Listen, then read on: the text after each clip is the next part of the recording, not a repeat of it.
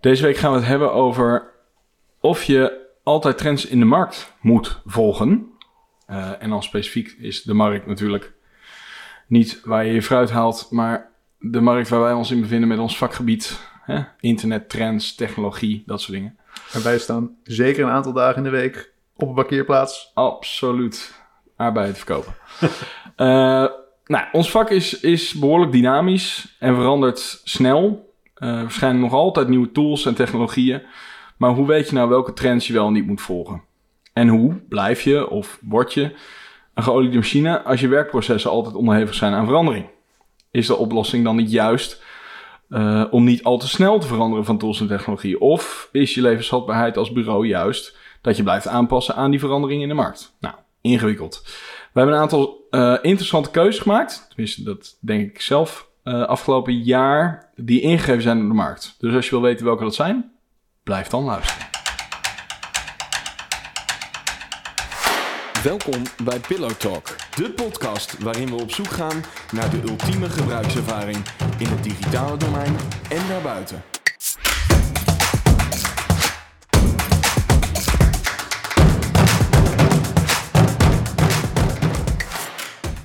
Ik ben Milan van Brugge, account director bij Pixelpillow. En ik ben wel verantwoordelijk voor de techniek bij Pixelpillow. En ik ben Gert-Jan verantwoordelijk voor ontwerp. Yes. Ook bij Pixelpillow. En Gert-Jan, bij, bij Pixelpillow. En Gert-Jan gaat vanaf nu niet meer tegen de tafel schoppen Oh, sorry. bij En- Pixelpillow. En ik ben niet eh, over de hele wereld verantwoordelijk voor ontwerp, maar alleen bij Pixel. Alleen bij Pixelpillow, dat is wel een goede nuance. Elke week beginnen we eh, de podcast met UX Fuck-up van de week. En deze week is dat de site, nou eigenlijk meerdere sites. We kwamen het tegen op eh, onder andere de, de site van DHL.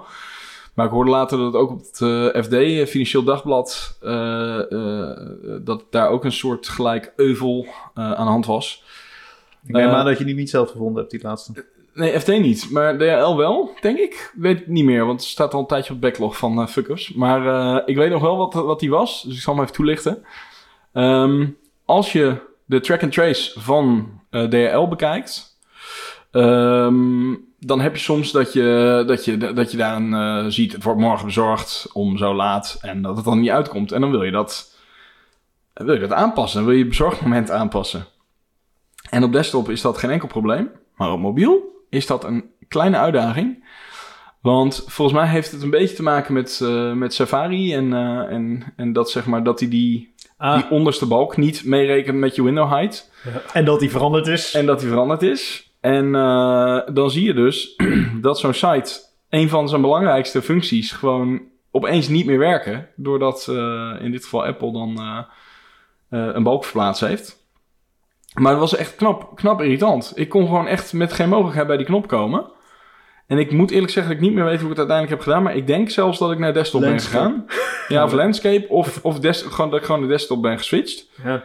Ja, is natuurlijk echt best wel. eh, ik, ik, ik heb het niet gecheckt, maar ik vermoed dat ze dat inmiddels wel hebben op, eh, opgelost. Want dat is natuurlijk wel echt een heel cruciaal ding. Je hebt niet in je Safari-instellingen de adresbalk weer bovenaan gezet. Nee, heb ik niet gedaan. Zeker, het was niet helemaal bewust, maar in, in zeker, dit is wel een, een, een trend in de markt waar je op zich wel moet, op moet inspelen, zeg maar. Eh, maar ja, het is wel bizar dat het überhaupt, ik vond het bizar dat het überhaupt kan. Ervan uitgaan dat het ligt aan die verandering in, eh, in Safari op de, op de iOS eh, devices. Maar- Maar goed, maar wel- je kon er niet heen scrollen. nee, ik zag, ik zag het bovenste reepje volgens mij Dus- wel. Dus Hij- is sticky, hij is- maar houdt geen rekening met die... eh, Hij heeft een negatieve offset, omdat Safari, als je zeg maar scrolt in Safari, vroeger Ja. kreeg je zeg maar die balk waar je Ja. bookmarks en zo kon doen, die kwam dan omhoog. Ja. En daardoor heeft Safari een bijzondere manier van de view height zeg maar uitrekenen. En daardoor zie je vaak op Safari dat je een negatieve offset aan iets wat je sticky zeg maar wil maken toevoegt. ja. En nu is dat ding weg en nu Ja, ja. En opeens ben je dan nog- dat... is- heeft hij nog steeds een negatieve offset. Ja. Ja. En dan, Maar die mis je dan opeens aan de onderkant, waardoor je die knop niet meer kan, eh, Jammer, kan checken. Ja. Echt wel heel treurig. Maar goed, eh, dat, eh, dat kwamen wij tegen. Heb jij ook zo'n soortgelijke ervaring met een applicatie of een, eh, een browser waar je eh, iets niet toegankelijk is? Dan eh, vinden we dat leuk om te horen. Deel dat dan via de e-mail pillowtalk.pixelpillow.nl en vergeet ons niet te volgen op Instagram, pillowtalkpodcast. Dan krijg je een berichtje als er een nieuwe aflevering online is. Ik vind dat we er wel een beetje snel doorheen gingen, Milan. Ja, wil je nog... eh, wil Nou, je- ik zat nog te denken, ik wil er nog heel even op inhaken. Ik vind dit wel Oh, sorry, je wil nog even door, ja. de, de arrogantie van Apple, zeg maar, Ja. dat ze dit zeg maar gaan wijzigen. Ja. Ik kan je vertellen, er staat echt een ongelofelijke bug report over dit ding. Staat al drie jaar in de, in Ah. de web, WebKit issue tracker over dit probleem. En dan gaan ze dus nou, ja, die adresbalk aan de onderkant zeg maar zetten. En dat ze dan denken, oh, wat zou daar nou de implicaties van zijn? Ja, maar dat is het mooie dat, van gewoon Apple. des Apples gewoon, Ja, fuck die shit. ja het is- moet wel Ja. ergens lekker zijn om zo erin te kunnen staan. Ja. Ja, dat je gewoon geen Dat rekening het, dat het ermee moet echt houden. niks uitmaakt. En Al- niemand... al- Alles gaat kapot, maar ja, eh, mensen gaan het vanzelf fixen. Ja, maar de, de andere kant van de medaille is natuurlijk dat er zijn vast ook een heleboel bedrijven die dat nog niet gefixt hadden. En die hebben nu geluk. Ja. Want die hoeven niks meer te doen. Ja. Dus ze hebben het eigenlijk hersteld. Ja. Alleen is het dan jammer voor die mensen die heel proactief wel die negatieve marge hadden ingebouwd. Zoals wij. Hebben wij daar ook dingen aan moeten doen om dat eh, te fixen? Weet je dat? Ja, dat, zou- dat moet bijna wel dan. Ja, volgens mij op één plek. Oké. Maar inderdaad een sticky ding wat aan de onderkant. We hadden op een aantal plekken waar we het deden, hadden we al een soort library tussen zitten die dat op Hmm. een of andere manier corrigeren. En jullie hebben ook wel allebei die adresbalk aan de onderkant. Nee, ik heb Nee, bovenlangs. Nee. Heb jij hem nog boven? Grappig. Ik heb, eh, Ik heb hem onder. ik heb niet vaak dat ik moet wennen aan dingen. Maar dit was qua muscle memory heeft echt Ja. weken geduurd voordat dat er eh, Bij mij ook. ingesleten was. Maar ik dacht, ik vind de keuze op zich wel logisch. Ja. Dus ik ga het toch stug volhouden. Maar Jawel dus niet. Die heeft meteen gedacht. Ik heb hier geen mentale bandbreedte voor. Oh, mooi. Nee, dan eh, heb jij die hobbel nog te nemen. Nou ja, waarschijnlijk totdat de instelling uit Safari komt Ja. dat je geen keuze meer hebt. Precies. Ja. Dan is hij opeens... eh, Maar toch vind ik het dan al bijzonder dat Apple dit dan wel een keuze gemaakt heeft. Ja. Toch? Vroeger, toen Nee, Steve er nog was? Als Nee, maar er was veel kritiek op. Want ehm, die, die... Dat heeft Sanders ook niet Nee, jou. maar die setting was, eh, hoe, hoe heb je, ja, je hebt altijd voordat die eh gereleased wordt, heb je zo'n eh, definitieve beta of zo. En Mhm. daar zat die optie nog niet in. Dus die hebben ze echt op het laatste Mhm. moment. eh, Maar ze hebben ook eh, natural scrolling eh, bijvoorbeeld. is ook een optie, hè? Dus Ja, het kun is je niet, uitzetten, het is niet Ja. ongebruikelijk dat ze dit soort... Ja. eh, waar- waarvan je zou zeggen, dat is dan toch wel een, echt een keuze die je vanuit een OS zeg maar maakt. Maar dat hebben ze daarbij ook eh, optioneel gemaakt. Ik vond het vooral vervelend dat hij er overheen hing, zeg maar. Dat de website er gewoon onderdoor loopt. Hmm. Niet zozeer dat hij daar zat, maar gewoon dat in plaats als het gewoon een kader, zeg maar, eromheen zet, maar Ja. dat de website echt onder. maar dat kun je wel aanpassen, volgens mij. Want ik heb dat. Ja, Oké. mooi. Bedankt Apple. Thanks, Apple. Hey, ehm, we, gaan het, eh, we gaan het dus hebben over of je altijd eh, trends in de markt moet volgen. Eh, en eh, zoals jullie gewend zijn, hebben we daar een aantal stellingen voor. De eerste is: de trend in de markt is niet altijd de beste oplossing. Ehm, ja, soms, soms eh, ontkom je er gewoon, denk ik, niet aan. En wij hebben. ik zat na te denken over wat zijn dan voorbeelden eh, om dat te concretiseren. Wij hebben natuurlijk zelf. eh, zitten we nu een beetje in de transitie naar Figma. Dat, Ja. is, dat is echt zo'n ding. Misschien kun je er iets over vertellen waarom we dat überhaupt aan het doen zijn. Nou, we, ehm, we zaten op Sketch. Mhm. Zitten nog steeds deels op Sketch. Ja. Eh, vanaf het moment dat Fireworks End of Life was, zijn we geswitcht. Toen heel vroeg. Sketch was natuurlijk heel tof. Eh, zeker vergeleken met wat er op dat moment op de markt was. En is steeds beter geworden. Ja. Toen kwam Figma. En ehm, Figma was een nieuw kid on the block. En ehm, ik vond het altijd moeilijk in te schatten. Best wel veel mensen in de community gaven af op Sketch Mhm. eh, ten faveur van Figma. En ik vertrouw dat dan nooit zo. Omdat ik dan denk, ehm, misschien is het ook wel gewoon eh, aard van ontwerpers om het de next new thing gewoon cooler te vinden. Ja. Misschien werden zelfs wel mensen betaald. Dat gevoel had ik ook wel een beetje door Figma. Dat is Mhm. gewoon Ga maar even stoken. influencers eh, Ja. inhuren. Ehm, maar wij merkten met sollicitatiegesprekken dat eh, een paar sollicitanten die we op bezoek hadden echt wel heel moeilijk begonnen te kijken toen we eh, zeiden dat we op eh, Sketch werkten. Dat was één ding. Het tweede ding was, dus er zitten een aantal dingen in Figma die hebben ze echt beter geregeld. Eh, waardoor je eh, niet meer voor je typografie eh, honderd verschillende tekststijlen hoeft aan te maken. Ja. Ehm, dat was voor mij wel redelijk doorslaggevend. Die twee dingen, denk ik. En verder valt het allemaal volgens mij wel mee. Om, om te illustreren hoe, hoe designers daar een beetje in staan. Ik zag vandaag toevallig een LinkedIn bericht van een designer die ik Ja. volg op LinkedIn. Eh, die reageerde op iemand anders een bericht over de updates die tijdens, hoe heet Ja. het, Config, eh, Config 2000, twee- de, de conferentie van 22. Figma zijn aangekondigd. En hij vond de nieuwe updates allemaal wel tamelijk underwhelming. En vooral dingen die gefixt moesten worden, maar niet echt eh, vernieuwing. Hm. En toen reageerde iemand anders erop. Ja, dat is de reden waarom ik Framer nou let het in de gaten hou. Ja. Dus denk ik, oh, dan moeten we straks weer naar, over naar Framer. Ja, nou ja, Wat gek. Kijk, en, en als je ZZP'er bent, dan is het prima. Precies. Dat, de- dat deed ik toen ook. Dan switch je elk half jaar van toeltje, maakt jou. Ja. Maar als je een bedrijf met eh tech designers hebt zitten en een boel legacy projecten, wordt het echt wel een ander verhaal. Ja. Dus, eh, dus die overgang is moeilijk. En, en wat trouwens eh, ook nog wel voor Figma pleit, denk ik, is, en dat heeft wel met die trends te maken, dat eh, doordat iets marktleider wordt, ehm, krijg je veel meer integraties met die tool. Ja. Dus bijvoorbeeld, we gebruiken een development storybook voor eh, compo- component-based werken. Mhm.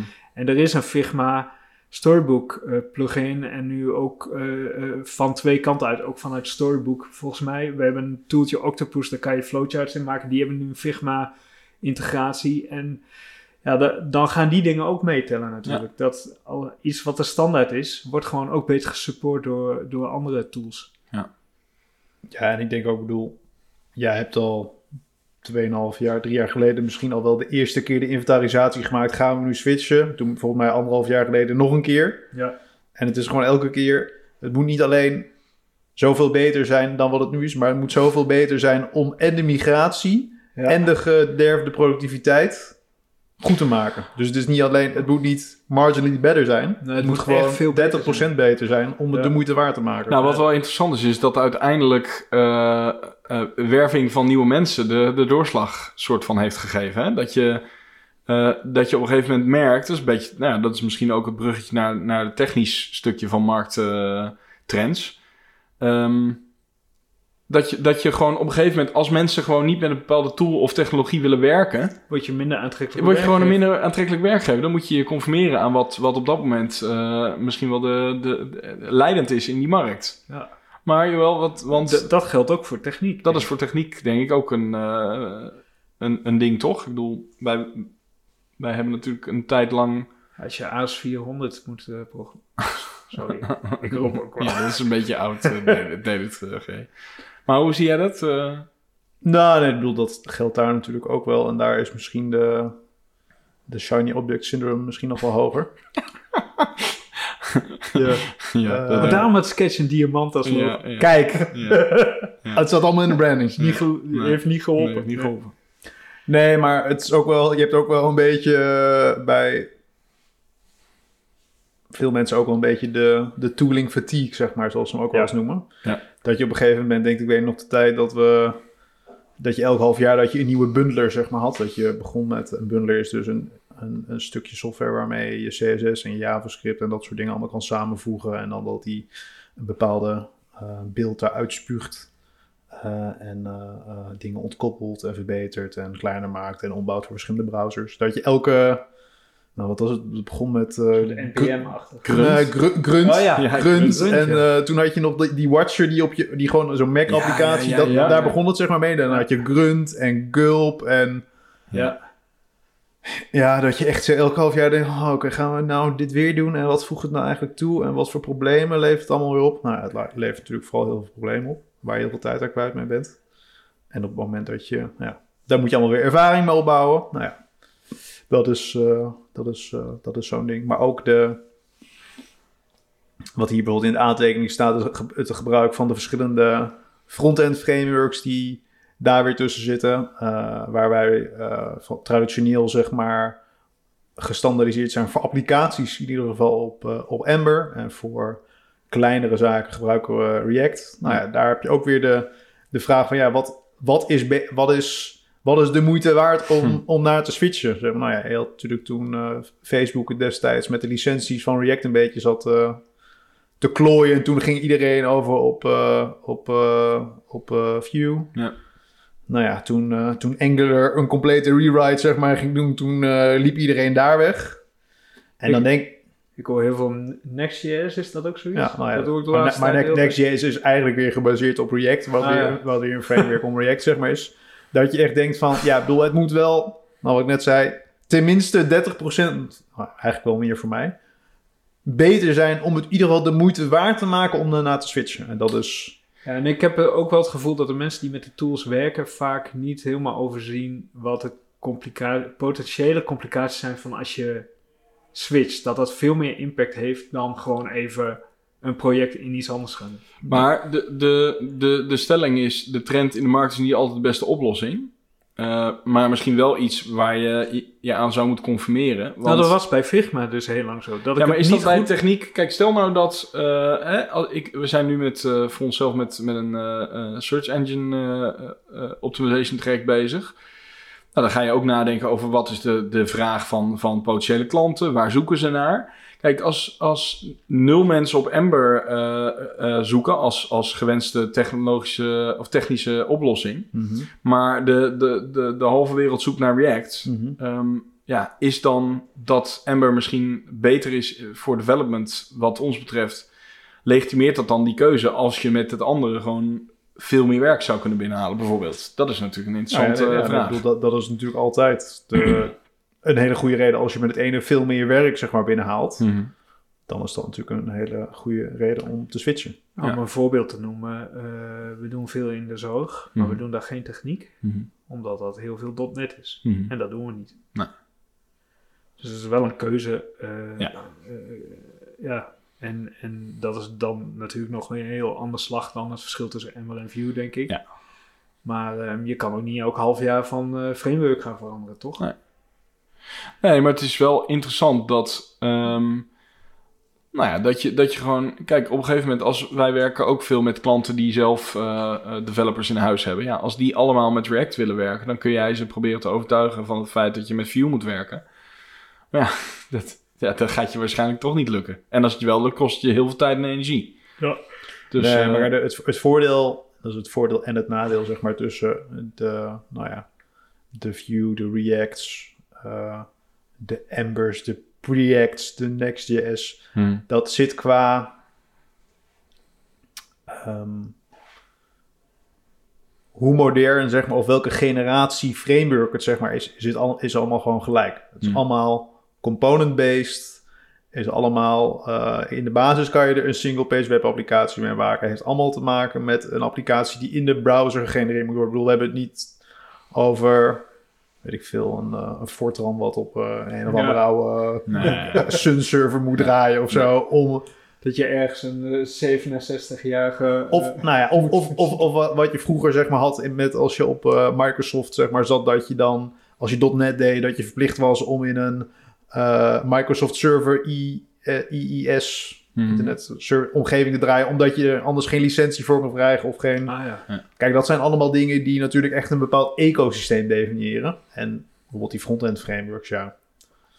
Het zijn allemaal wel smaakjes, maar het is niet dat, het, Nee. dat je compleet iets mist op het ene of op het andere. Uh, En wij kunnen, uh, wat denk ik bij ons ook gewoon vaak het verschil is. Klanten komen niet bij ons voor React. In de zin van, ook niet voor Ember. Hmm. Maar dat is, dat is de vraag, zeg maar, gewoon niet. En ze komen ook niet bij ons omdat ze met Sketch werken. En ze komen ook niet omdat ze bij ons werken. Nee. kijk, kijk, web, het- ons web maakt heel weinig uit. Er is wel eens een klant geweest die graag wil dat we in Figma werkten, omdat ze dan zelf ook Ja. dingen in het document wil doen. Maar dat hebben we sowieso al liever niet natuurlijk. Maar bij ontwerp maakt het natuurlijk allemaal voor de klant, eh, zal het eh, denk ik doorgaans een zorg zijn. Nou, ik denk dat het vooral de aansluiting bij, bij een bestaande club of intern team Ja. is. Dat, dat ze daarom specifiek naar die, eh, Ja. naar die technologie aan het zoeken zijn. Mhm. Ja. Eh, want ja, dat maakt natuurlijk hun leven ook gewoon een stuk makkelijker. eh. dus, dus in die zin is het wel, is het wel relevant. Wat eh, is, als je de stelling zou willen beantwoorden, is dan, eh, eh, wat, wat, is, wat is daarop uw antwoord? De trend in de markt is niet altijd de beste oplossing? Nou, dat is sowieso zo, Ja. denk ik. ja, zowel op design tooling als technologie, eh, denk ik wel een, eh, dat je kan zeggen dat dat zo is, toch? Dat de- trend niet altijd de beste oplossing is. Ik bedoel, het is niet voor niks dat we voorkeur geven aan, aan Ember van die frameworks, maar dat het niet per se de meest populaire oplossing is. Nee, maar, ja, maar ik denk dat gewoon de nuance, zeg maar, zit hem voor veel bureaus is... Wat is de... Doe je, doe je een soort leapfrog, zeg maar? En ga je echt een substantiële sta- stap zetten door Mhm. deze Ja. tooling, zeg maar, te gaan gebruiken? Of is het gewoon incrementeel een beetje beter? En ik bedoel, incrementeel een beetje beter zou je kunnen zeggen, dan is misschien de adoptie is makkelijker. Maar vaak is het alleen de moeite waard op het moment dat het gewoon echt substantieel anders is dan wat je nu hebt. Ja. In mijn. In mijn eh, Nou, maar misschien moeten we dan een stapje maken naar de tweede stelling. Dus namelijk, als je dan aan het pionieren bent, dan is dat hartstikke leuk. Pionieren is leuk, maar ook kostbaar, is de tweede stelling. Eh, en een van de voorbeelden is, eh, nou ja, de keuze voor technologie kan bepalend zijn voor hoe makkelijk je bijvoorbeeld mensen kan vinden om, eh, om bij je te komen werken. Want dat is, dat is wel een ding. Kijk, als je nu zou moeten kiezen voor een technologie, dan, hè, en je, je, hebt nog niet gekozen, je, je gaat morgen een nieuw bureau beginnen, dan is mijn aanname dat je dan altijd nu voor React kiest, omdat dat volgens mij, maar ik weet niet, jij moet nu corrigeren als je zegt dat is niet de, de, de norm, maar volgens mij is dat nu een beetje de norm, toch? React? ja, dat, ja, dat denk dat, dat heeft het grootste. Maar zou jij dan, als je morgen opnieuw zou moeten beginnen eh, eh, dan, en zou kiezen om weer een bureau te starten, Oh, wat, wat misschien een goede aan, even een uitgangspunt is, zou je, zou je dan zeggen, dan gaan we in React werken? Als je, als je hem zo zwart-wit zeg maar stelt. Mhm. ehm, mm, ah, ik zou eigenlijk dan alweer nog weer iets nieuwer zeg maar gaan bezitten. ja, nee, dat bedoel. Als je dan nu zeg maar moet kiezen, dan moet je nu voor de muziek uit gaan lopen, denk ik. Dan moet je echt zeggen dat je op Next gaat zitten. Of je gaat op Remix zitten. Of je gaat op Svelte zitten. Of Sveltekit of iets in die richting. Hm. Iets, dat je al wel iets vet, want anders dan loop je eigenlijk alweer achter. Grappig, Ja, het laatste wat ik hoorde was dat View eh, wa- was cool, maar dat is al niet meer cool. Nu is het alweer andere dingen. Nee, maar kijk, de, de, Zo de- snel gaat dat dus. Nee, maar deze vraag aan zich is, is. Vind ik een beetje vreemd. Want het gaat er niet zo om wat je nu kiest. Maar het is volgens mij belangrijker wat je. Als bureau zijnde, wat je keuze in is. Ga je altijd zeg maar Hmm. Nee, met de maar- stroming mee? Of ga je nu, ik noem maar wat, stel dat je een consultancyclub bent en je hebt, eh, weet ik veel, vier jaar geleden digitale transformatie gekozen. Mhm. Ben je dan het bedrijf wat de complete lifecycle zeg maar, van digitale transformatie gaat doen? Dus Mhm. vanaf dat het net opkwam. Mhm. En ga je het helemaal uitwerken tot over nog tien jaar? Of ga je de hele tijd op de frontier zeg maar gaan zitten? Ga je elke Ja, twee maanden zeg maar, of elke twee jaar zeg maar, gaat het nu over AI en ML? Nou ja, ga je, maar ga je zeg maar voor blijven lopen? Ja, maar goed, daarom ook de stelling: pionier is leuk, maar kostbaar. Eh, als je altijd next, gewoon echt het, het, eh, het allerbeste, zeg maar, qua framework, qua eh, eh, aanpak, gewoon op alle fronten, zeg maar, het beste wil doen. Mhm. eh, ja, nou ja, dat. dat Ik dat, denk dat dat heel kostbaar is. dat is. Ja, dat, dat denk ik ja, ook. ja, nee, Ik, ik denk zelfs dat eh, eh, op het goede moment, op de goede plek zijn, dat dat de, eh, vaak, dat heb ik ook al afgelopen jaren gezien bij bureaus, die dan thought leader werden in iets waarbij ze echt bij lange na niet pionierden. Hè? Nee. Dat was het, dat ik dacht van, oh, eh, dat, dat, dat is oude, oude, eh, nieuw wijn uit oude zak of zo. Ja, maar, ja. maar, maar dat je dan denkt, ah, het werkt dus toch wel, want ze Ja. zijn kennelijk eh, toch wel aardig op het goede moment. Ja. Dat de markt er een beetje rijp voor is. Ik denk als je helemaal vooraan loopt, als je nu heel erg druk bent met eh, Web 3, hè, wat je dan wel ziet, en AI en dat soort dingen, ik denk dat daar, daar, daar kan je een heleboel uren in kwijt zonder dat dat iets oplevert. Ja, maar ook ervan uitgaande dat dat zeg maar de, dat dat de vertakking is waar het gaat gebeuren. Ja, Kijk, dat- als, als, het, als je hier natuurlijk zeg maar nu het afgelopen jaar over... eh Oké, laat ik het even over NFT's even zeggen. Want dat, dat, je, dat je daar zeg maar nu een jaar eh thought leader zeg maar in bent geweest. En dat Ja. dat toch blijkt dat we dat toch niet in de... In ieder geval niet in de JPEG zeg maar gaan, gaan zitten met z'n allen. Mhm. Dan heb je natuurlijk heel erg het risico gelopen. Dan heb je natuurlijk in de adoptiecycle ben je dus een voorloper zeg maar geweest. Loop je voor de muziek uit. Mhm. En dus het high risk, high reward. Ja. Maar kijk, kostbaar vind ik je kan je, ja, natuurlijk is het kostbaar. Mhm. Alleen als je, omdat je voorop loopt, zeg maar, drie keer je uurtarief kan verdienen. In plaats van dat je gewoon de IBM of de Microsoft. Ja, ja maar, Dat- maar ik heb het gevoel dat zelfs het high, risk eh, zero reward kan zijn. Want ik heb wel gezien dat, dat de echte pioniers, op het moment dat er geld in omging, eh, Ja, er komt er een ander. komt er een ander, die doet, die doet in drie maanden dezelfde kennis op als waar jij tien jaar over hebt gedaan, omdat het Mhm. toen nog heel complex was. Ja. En die gaat ook gewoon met een thought leader eh, sh- eh, profiel vandoor. Ja. Ja. Dus ik, ja, dus je heb- moet, je, moet, je moet niet voorop lopen, zeg maar, maar wel in de voorhoede en dat soort dingen. ja, dat, dat, is het ja, minst dat, risicovol. dat gevoel heb ik vaak wel, ja. Ja, dat denk Ja. ik ook. En in die zin, kijk, wij, wij zijn natuurlijk. eh, kijk, ik geef die voorbeelden gewoon. En het is. Ik, wij, wij zijn bijvoorbeeld ook. Wij zijn niet een koploper of de allereerste of de pionier.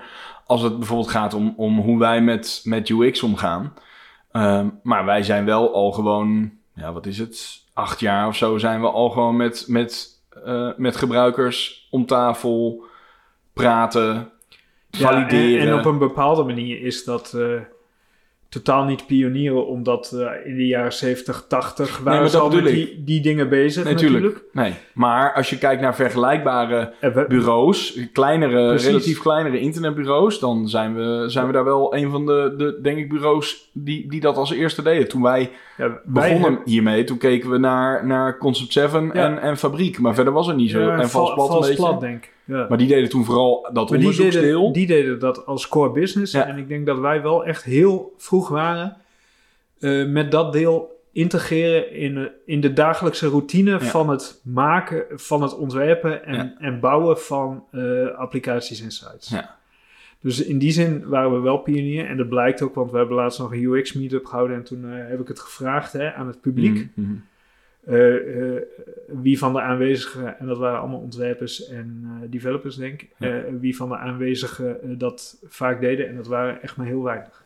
Als je die meetup trouwens wil terugkijken, dan moet je even UX meetups volgen. Even googlen. go- nee, zoeken op YouTube. Dat even tussendoor. Ja. maar dat, ja, dat dus in die ook. zin, ja, wanneer ben je dan pionier? Het voelde voor mij helemaal niet als pionieren, omdat je dan inderdaad, je, je volgt al die conferenties Mm. en dan staan er allemaal mensen daar praatjes over te houden. Ja, het zijn alle bureaus met... eh, Maar dat is allemaal de theorie, hè? ja. Dat, dat is het vaak ook wel een beetje. De, ja, Maar goed, het is ook, kijk, dat is dan het, het stukje pionieren. Maar het, het, wat, wat het ook vooral is, is dat ik denk dat wij relatief vaak veel tijd moeten besteden. Eh, steeds minder natuurlijk, want, want UX is natuurlijk nu gemeengoed. Ehm, maar in, zeker in het verleden, en maar nog steeds wel eens, moet je, moet je gewoon uitleggen waarom het zo belangrijk is dat je, dat je eh, focust op UX en, en op die gebruiker. En dat is dus dan in die zin is dan pionieren denk ik kostbaar. Want je kan dus ook wachten tot, eh, tot de vraag komt. Ja, tot, tot, tot het markten- gemeengoed is. Nou, tot de markt erom gaat vragen. Ja, ja. Maar, maar je zou inderdaad ook kunnen zeggen dat, dat het, eh, het, het user-centered gewoon niet de, eh, de, de, de, de prime hype cycle heeft gehaald. In de zin van dat... Kijk, als je natuurlijk nu tegen eh, iemand in een, eh, in een weet ik veel, een meer corporate omgeving gaat roepen over... eh, weet ik veel, over AI of blockchain, zeg maar. Dan ga ik, ja, dat moeten we doen, dat moeten we doen, dat moeten we doen, zeg maar. Dan, dan zie je de portemonnee tevoorschijn komen. Ja. Dan, ja, dus dan, eh, dan eh, beginnen de oren zeg maar al te klapperen. Ja. Eh, terwijl dat user-centered verhaal is misschien meer lang en steady zeg maar geweest. Wat waarschijnlijk ook goed is, waardoor het minder snel uitvisselt. Ik denk wel dat het in, eh, eh, dat bij de grote productontwikkeling teams eh, wel heel erg Ja, nee, zeker. standaard approach is bij een independer bijvoorbeeld. Eh, of nou, die, die verzekeraars die hun eigen team hebben, of een bank of zo, ING. Ja. Daar is het denk ik gewoon Ja. eh, standaard manier van werken. Zeker. Alleen bij, bij, bij business-to-business klanten bijvoorbeeld, die niet een eh, eigen productteam hebben, daar, eh, Ja. daar is het best wel moeilijk nog om, Ja. eh, om het erdoor te krijgen. Oké. Ehm, nou ja, even los van, van dan de semantiek, of het kostbaar is of niet. Mhm. Ehm, ja, als je het, als je, zoals we het net zeg maar toelichten, dan ben ik in ieder geval het wel mee eens dat, nou, ja, dat, het inderdaad een, een eh, groot risico is om je op die manier te profileren, zeg maar. Door iets compleet nieuws proberen groot te maken, zeg maar. Eh, en dat je daar gewoon niet altijd voor beloond wordt. Dus in die zin ben ik het, eh, ben ik het in ieder geval met de stelling een- eens. Jij, Joël? True. Hey, ehm, de laatste stelling is liever een trendsetter dan een trendvolger.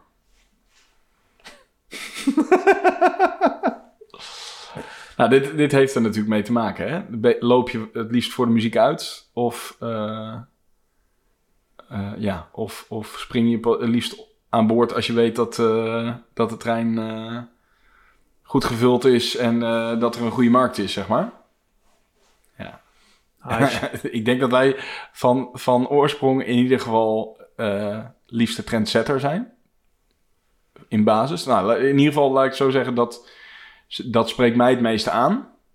Maar business-wise denk ik dat je dat als het een beetje een gezonde mix is. Hè, dus dat je misschien wel je op één aspect van je, van je bureau of profileert. Stel nou dat je een bureau bent en je, zegt, en je doet gewoon. eh, eh, je hebt gewoon bepaalde business die gewoon.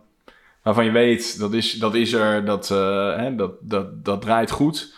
Maar je dan zeg maar profileert op, op eh, AI of wat ook, of de metaverse of zo. Dat, dat, dat vind ik altijd wel een mooie combi. Ik denk, oh, dan heb je wel een soort van. ehm, ben je wel een soort van thought leader op een zelfgekozen gebied. Maar ja, daar, daarnaast heb je wel een beetje de onderstroom eh, nodig, denk ik. Van iets wat al bewezen is en waar markt voor is. Dus Ja. ik weet niet of je het echt alleen maar als trendsetter redt. Ja, ik denk dat trendsetter zijn nooit een doel op zich zou moeten zijn. Nee. Je wil gewoon... Kijk, toen we met UX begonnen, eh, gebe- eh, was dat ook vanuit een frustratie Hmm. van dat je denkt, ja, dit, dit moet anders en beter. Ja. En niet vanuit het idee, we gaan ons hier eh, ontzettend mee profileren en in de markt zetten. Nee, oké, maar ik bedoel, het is natuurlijk wel het effect van die keuze. Ja, Ik bedoel, je weet op een gegeven moment, als je daarmee bezig bent en je ziet dat heel veel andere partijen dat niet doen, dan weet je wel ja. dat jij de, de trend gaat zetten Ja. als, als, dat al, eh, als dat lukt. Maar ik bedoel, je volgt dan in ieder geval niet, zeg maar. Nee. Maar heb je... Nou, ik zit ook al aan zo'n eh, bureaus Basecamp eh, te denken. Hè, dat ik, ja, ik denk dat Joël en ik in het verleden wel veel daarna keken hoe zij dingen deden. En Zij Mhm. waren toen heel vroeg met remote werken, volgens mij. Hmm. Ehm, en een aantal andere dingen. En wat ik bij hun altijd zag, is dat ze gewoon heel eigenzinnig waren in hoe ze dingen aanpakten. Dat, Ja. ze, niet, dat ze niet gewoon klakkeloos het deden zoals de hele markt het roept, dat ze opeens Scrum en Agile gingen werken, omdat iedereen dat deed. Of zo. Nee. En als je maar lang genoeg, lang genoeg normaal Ja. blijft. Ja, precies. Ja, als je maar lang genoeg no- normaal blijft, word je vanzelf bijzonder. Maar waarom, waarom dat is wel interessant, hè? Want ik bedoel, er zijn meer bedrijven. Nou ja, ik- denk dat wij ook heel veel dingen op onze eigen manier doen, zonder dat we daarbij kijken wat, wat de rest van de markt doet. Maar toch is een basecamp, eh, daar zijn de ogen van de wereld dan zeg maar op gericht. Ja, ze zijn wel heel goed in marketing. Ja. In, in dat wat ze dan doen, wat Mhm. denk ik redelijk eh, eigenzinnig is. Dat vervolgens vermarkten zijn ze heel goed in. Want ze schrijven natuurlijk ook gewoon boeken. Ja. Worden ook gewoon bestsellers. Ja. Ehm, dus dat, ja, maar je moet wel... eh, naden- waar zijn ze in ieder geval in de, in de tech community heel groot mee geworden? eh, Ruby, denk ik. Ruby on Rails. Ja. Hmm, Ja. Dus ze hadden autoriteit al, bedoel je? Ze hadden al een podium. Ja. Ja. Toch? Ik wil Ja. niet zeggen, daarvoor waren ze ook wel, zeg maar, een... Ja. Hadden ze ook wel, zeg maar, een, een, een, een goed verhaal. ja, dat helpt wel natuurlijk. Eh, maar ze hadden al wel een podium waar je dat van af kon gaan roepen. Ik bedoel, al die, die boeken zijn allemaal na Ruby on Rails. Ruby Ja. on Rails. Ja. Ja, ja dus, dus ze hadden al een, een follower base. En- Ja, en toen dan- was, en dat, dan- was dat zeg maar gedaan, was daar de piek mee behaald en dan zetten we er iets naast. de- de- dat doet me ook denken aan die. Ik, ik, ik volg iemand op Twitter die, die eh, deed iets hoogs bij Adobe, is toen eh, voor zichzelf begonnen. En die heeft echt heel veel volgers op Twitter. En nu ging die laatst, heb ik jou laten zien, eh, Joël, volgens mij, ging die houten snijplanken maken. Oh ja. En voor 1000 euro verkopen. En dan Ja. had hij eh, zoveel honderd orders. en toen ging hij iets zeggen van: Zie, als je gewoon je hart volgt en dat. En Ja. dan denk ik, ja, maar je verkoopt zoveel gast omdat je heel veel Twitter follower Ja, ja, ja, Ik bedoel, als ik dat ga doen, Ja. ga ik echt niet heel veel Twee stuks. snijplanken verkopen. dus dat klopt wel, ja. Als je eenmaal die, als je eenmaal die eh, volgers hebt, dan, dan, eh, ja, dan eh, wordt het natuurlijk ook makkelijker. Ah, hout is ook niet goedkoop tegenwoordig. Hè. Dus Dat is ook wel- waar. Dat is wel een verzachtende omstandigheid. Oké, maar ehm, ik, ja, ik, ik ben los van of dat nou je doel is, vind ik het wel eh, zelf het leukst om. Ik hou ook gewoon meest, meeste energie uit iets nieuws waar je gewoon in gelooft, om daar gewoon vol voor te gaan, zeg maar. En niet om iets nieuws of om de trendsetter te zijn, maar ik weet nog wel dat toen wij ook met Sketch, weet je nog dat we toen eh Who Sketch eh, een siteje hadden gemaakt en dat dat. Dat we dan daar in, in Zwolle op ons Ja. eh, kantoortje Eén avond. één avondje zaten te rammen. En, eh, en dat dan vervolgens de Facebooks en, de, en, en de alle grote Alle grote bureaus. bureaus zich daar en bedrijven zich daarop inschreven. Ja, ik bedoel, we hebben er geen reet. eh, Ik bedoel, je hebt er geen reet aan, maar het is wel gewoon heel erg leuk. Dat is wel leuk. En die energie vind ik ook wel altijd wel, daar ga ik altijd wel goed op, zeg maar. Als je dat soort dingen. En dat heb je toch. Maar daarom zeg ik, ik bedoel, business-wise is het soms waarschijnlijk slimmer om eh, niet de trendsetter te zijn. Omdat je dan iemand anders het eh, heavy lifting kan laten doen en zelf kan instappen als het, eh, als het, als het, als het makkelijk verdienen is, even heel gechargeerd. Maar ik zou nooit niet nieuwe dingen kunnen gaan ontplooien, zeg maar. Dat lijkt me heel saai als je dat helemaal niet meer kan doen. Maar toch maar naar Framer. Nou, blijf jullie even lekker bij Figma, dan ga ik wel af en toe een beetje in frame lopen, lopen Hannessen. Hebben jullie nog iets toe te voegen? Nee. Nou, mooi. Dan ronden we af. Ehm, zijn we iets vergeten te bespreken of heb je een suggestie over dit onderwerp? Als je luistert, dan eh, horen we dat graag. Je kan ons een mailtje sturen op pillowtalk.pixelpillow.nl en volg ons even op Instagram, pillowtalkpodcast. En dan eh, blijf je op de hoogte van de laatste afleveringen en je kan ons daar natuurlijk ook een berichtje sturen. Ehm, tot de volgende keer. Later. Later.